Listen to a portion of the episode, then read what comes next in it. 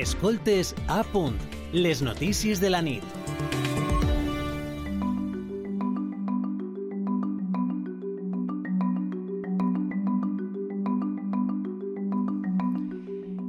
Avui, 8 de juny, és el Dia Mundial dels Oceans. Estos cobreixen més del 70% del planeta, són font de vida i alhora mantenen la humanitat i la resta d'organismes de la Terra. I potser es pregunten com és possible això. Doncs, entre d'altres coses, perquè produeixen almenys el 50% de l'oxigen del planeta, perquè alberguen la major part de la biodiversitat de la Terra i perquè són la principal font de proteïnes per a més de 1.000 milions de persones a tot el món. No obstant, com que és aigua i s'expressa obertament, és com si no li prestarem l'atenció que mereix per tots els beneficis que ens aporta. I tot i que no parega, la seva salut no és bona. El 90% de les grans espècies marítimes de peixos han minvat i el 50% dels esculls de corals han estat destruïts. I, com en tantes altres coses, s'extrau més dels oceans del que es pot reposar. És per això que des de Nacions Unides adverteixen que hem de treballar junts per a crear un nou equilibri en el qual no, no esgotem tot el que els oceans ens ofereix.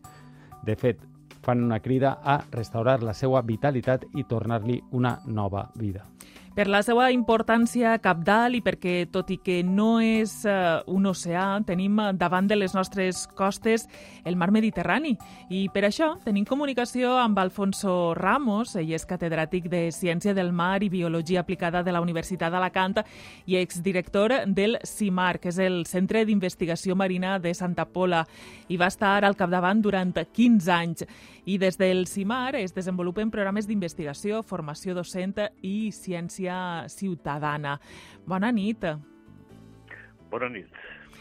Um, començarem uh, per una pregunta que pot semblar reiterativa després del que acabem d'explicar, però ens pot explicar vostè, um, per si no ha quedat clar, la importància dels oceans i, per extensió, dels mars com el nostre, com el Mediterrani? No, està clar. Eh, se diu planeta Terra, però se, de, se tendria que dir planeta Mar.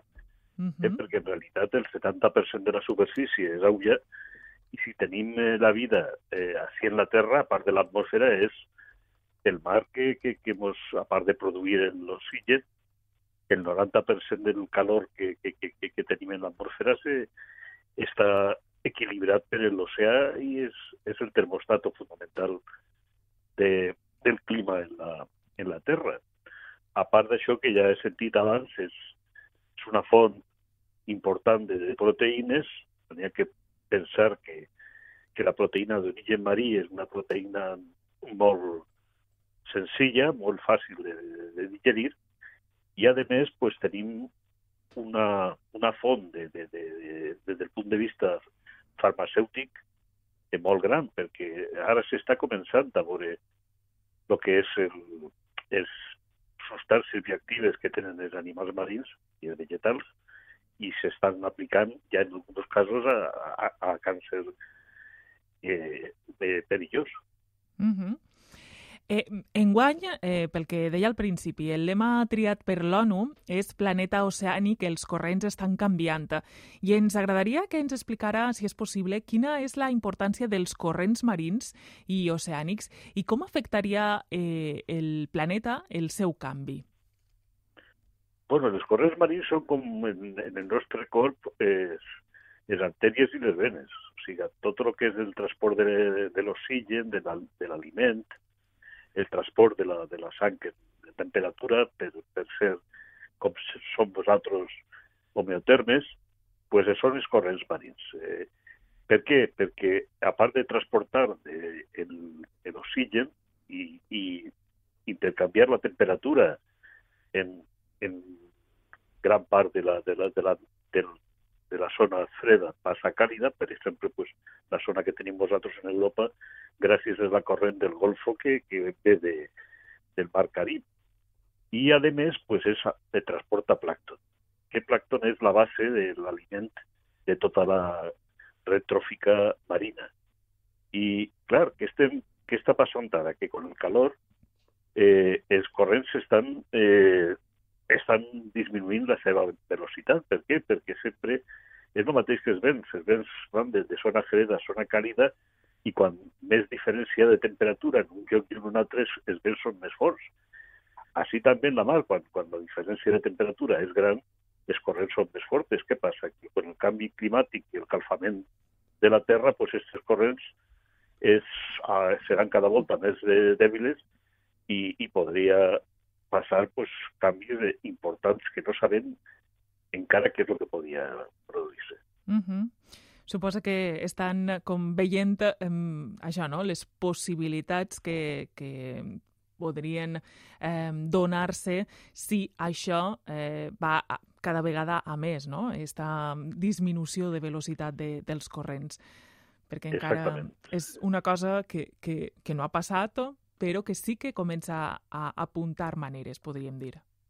Exactament, no? i a canviar també els, els patrons i els models de, de, de, de corrents. Eh? Uh -huh. O sigui, eh, encara no se donen clar, clar és, eh, tot el món està preocupat i és lògic per tot el canviament que s'està produint en el clima. Eh? Cada volta més, pues, les pluges, és, és, eh, ara per la, la sequera que hi ha, eh, són més fortes, eh, són aperiòdiques, no, no, no s'usen en l'època que té que, que, que ser. I tots aquests canvis pues, ens estan avisant. La mar és més, més lenta, però clar, pot arribar un moment en què aquests canvis siguin marcats i, i no poden fer res. Uh -huh. eh? O sigui que és, és un poc l'aprendiz de bujo que, que estem fent. A veure què passa, a veure què passa, però, però el que se té que fer és, per una banda, ja pren consciència d'una d'una volta de lo que està passant, uh -huh. però que en realitat eh, les mesures tenen que ser eh, dràstiques. Eh, quant, quant abans, millor. Um, els, els oceans i, i els mars no només eh, s'enfronten al calfament del planeta, un calfament que també provoca que, per exemple, al mes de maig, a la platja de Sant Gabriel d'Alacant apareguera per primera vegada una gran quantitat d'una alga invasora originària del Pacífic. Un fet que, que s'investiga des de la Universitat d'Alacant per a veure com poden frenar la seva colonització perquè són una amenaça per a les espècies autòctones. Però, a més, eh, els mars i els oceans també s'estan convertint en un gran abocador de fem, principalment de plàstics, i eh, reben molts nutrients que també tenen efectes directes sobre eh, la biodiversitat. Els animals i els esculls que hi viuen en l'aigua salada pateixen excés de soroll, per exemple, pel trànsit marítim o per l'energia eòlica que s'està instal·lant en algunes zones marines, sense oblidar la, la sobrepesca. Com afronta la biodiversitat marina i oceànica aquestes amenaces? Eh, pensa que es podrien minimitzar d'alguna manera, tot i que, eh, pel que estava comentant, no, eh, sembla que les mesures que s'estan prenent fins ara no són suficientment dràstiques per a, per a parar eh, tota aquesta mm, enumeració no, d'efectes de, que hi ha. No, n'hi ha...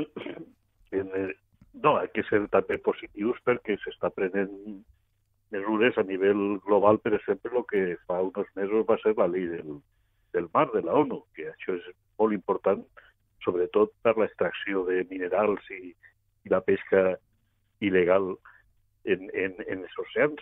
A, a nivell local, per exemple, pues, està, bueno, pues nosaltres treballem en, en àrees marines protegides, en el Mediterrani, uh -huh. i un exemple lo tenim Tabarca. Tabarca és un exemple de, de com eh, la biodiversitat pot aguantar el, tot el que és la invasió d'espècies eh, noves.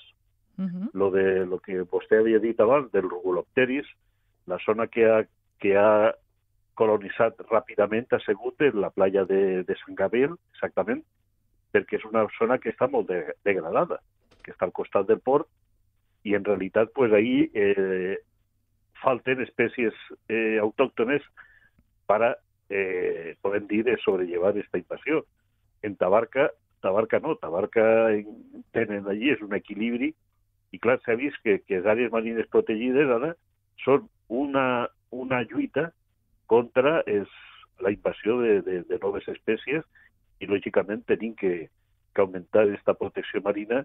Ara tenim un 10%, però se tindria que arribar al 30% que diu Europa per al 2030. Uh -huh. Per tant, sí que hi ha aspectes positius als que poder agarrar-nos eh, per a mm, doncs, eh, veure d'una manera més positiva, no?, eh, el futur de, dels oceans i de les mars. En, en part sí, eh? o sigui, eh, el tema dels plàstics eh, és fonamental que la gent prenga consciència de lo que és el, el tema de la protecció. És és una, és un mètode fàcil d'entendre de que si la mar està plena de, de plàstics, els plàstics se destrueixen en microplàstics i mengem. Però també la mar eh, hi ha problemes eh, en el sentit de que el que no se veu és el millor de tot, que és la, la contaminació que diem difusa, que és la, els nutrients que ha dit vostè, els, els metalls pesats, que això, no, això se diluyen, passen a la retròfica i això ho mengem després i no sabem res perquè no es veu. Uh -huh. Lo que és important és esta, el dia dels oceans és fonamental, però no, tots els dies de l'any tindrien que ser els dies de, dels oceans, perquè la vida va estar en l'oceà i també l'educació ambiental, sobretot en les noves generacions que per sort estan eh, mirant de que deixa necessitat i estan començant a, a llevar plàstic de la, de la playa i tot això, que això és important perquè se donen compte que, que tenen que eh, protegir el, el medi perquè en realitat la terra i la mar, tots junts, eh, és on estem, no tenim un altre. Mm -hmm. Doncs eh, ens fem una idea de, de com està la, la situació. De segur que en un futur tenim oportunitat de tornar a reprendre aquesta qüestió perquè queden moltes coses en el tinter per tractar, mm. però no tenim més temps. Moltíssimes gràcies, Alfonso Ramos, catedràtic de Ciències del Mar i Biologia Aplicada de la Universitat d'Alacant, per haver-nos donat llum i aigua en este dia de, dels oceans. Moltes gràcies. No, gràcies a vosaltres per la important llavor que esteu fent de la difusió. Bona nit. Bona nit. Escoltes a punt, les notícies de la nit.